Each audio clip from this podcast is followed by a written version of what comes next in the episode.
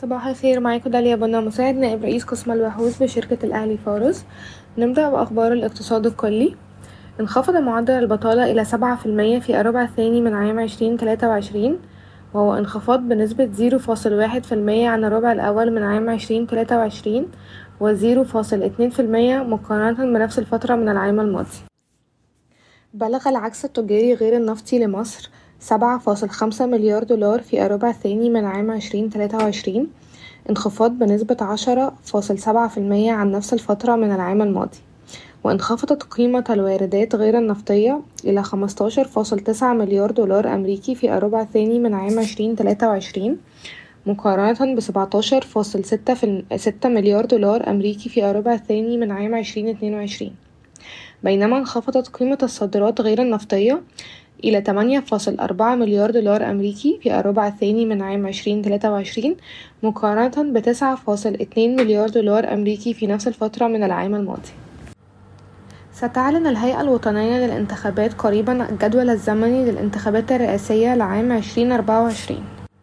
اكتشفت السلطات أول حالتين للسلالة الفرعية الجديدة لكوفيد 19 يخطط الصندوق السيادي المصري لطرح مبنى وزارة المالية بوسط البلد على المستثمرين من خلال نظام حق الانتفاع الشهر المقبل.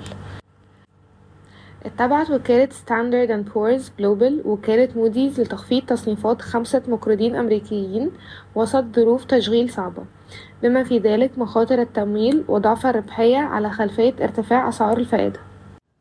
أما بالنسبة لأخبار الشركات أكدت الشرقية Eastern Company أمس في بيان لها أن الشركة القابضة للصناعات الكيماوية تلقت عروضا متعددة من مستثمرين أجانب لشراء حصة لا تتجاوز تلاتين في المية من حصتها البالغة خمسين فاصل تسعة في المية في الشركة.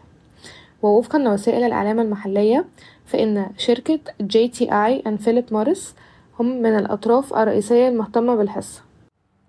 أعلنت شركة valU التابعة ل EFG Holding عن تغيير استراتيجي لعلامتها التجارية لتعكس انتقالها من شركة حلول الشراء الآن والدفع لاحقا كشركة تمويل استهلاكي إلى شركة تكنولوجيا خدمات مالية شاملة تقدم مجموعة من الحلول والمنتجات المالية المتنوعة. ستتقدم فاليو بطلب إلى هيئة الرقابة المالية للحصول على ترخيص التكنولوجيا المالية وتستهدف إيرادات بقيمة واحد فاصل تمانية مليار جنيه بنهاية عام عشرين تلاتة وعشرين بعد تسجيل 800 مليون جنيه في النصف الأول. سجل البنك الأهلي المصري صافي ربح 35 مليار جنيه خلال 2022 بالتوازي مع نمو إجمالي محفظة القروض بالبنك بنحو 47% عن عام 2021 وأعلن بنك مصر عن صافي أرباح بقيمة 25 مليار جنيه خلال 2022 وصافي القروض قفز 16% أعلنت وزارة البترول عن اكتشاف نفطي جديد بامتياز غرب جيسم والطويلة بخليج السويس وتم الاكتشاف الجديد من قبل شركة تشيرون المصرية من خلال البئر الاستكشافي GNN11 الذي ينتج حاليا أكثر من 2500 برميل يوميا. ويبلغ إجمالي إنتاج الحقل الواقع في شمال جيسم نحو 23 ألف برميل يوميا. شركة مصر لإنتاج الأسمدة موبكو تعين أحمد محمد السيد عضوا منتدبا ورئيسا تنفيذيا بدلا من محمد صبحي منصور. تعيين هشام رياض حسين سليمان رئيسا بالإنابة والعضو المنتدب للشركة المصرية لإنتاج الإيثيلين ومشتقاته ETHYDCO وفقا للصحافة المحلية فإن شركة MM Group هي من بين ثلاث شركات مهتمة بالاستحواذ على وكالات السيارات الصينية لتوسيع عرض النماذج التي تعمل بالوقود والمركبات الكهربائية.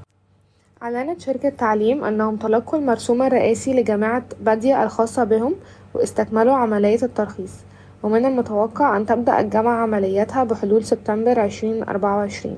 وتعود ملكية جامعة بادية بنسبة ستين في المية لشركة تعليم وأربعين في المية لشركة بالم هيلز تعتزم شركات الأدوية تقديم طلب إلى هيئة الغذاء والدواء خلال شهر أغسطس المقبل.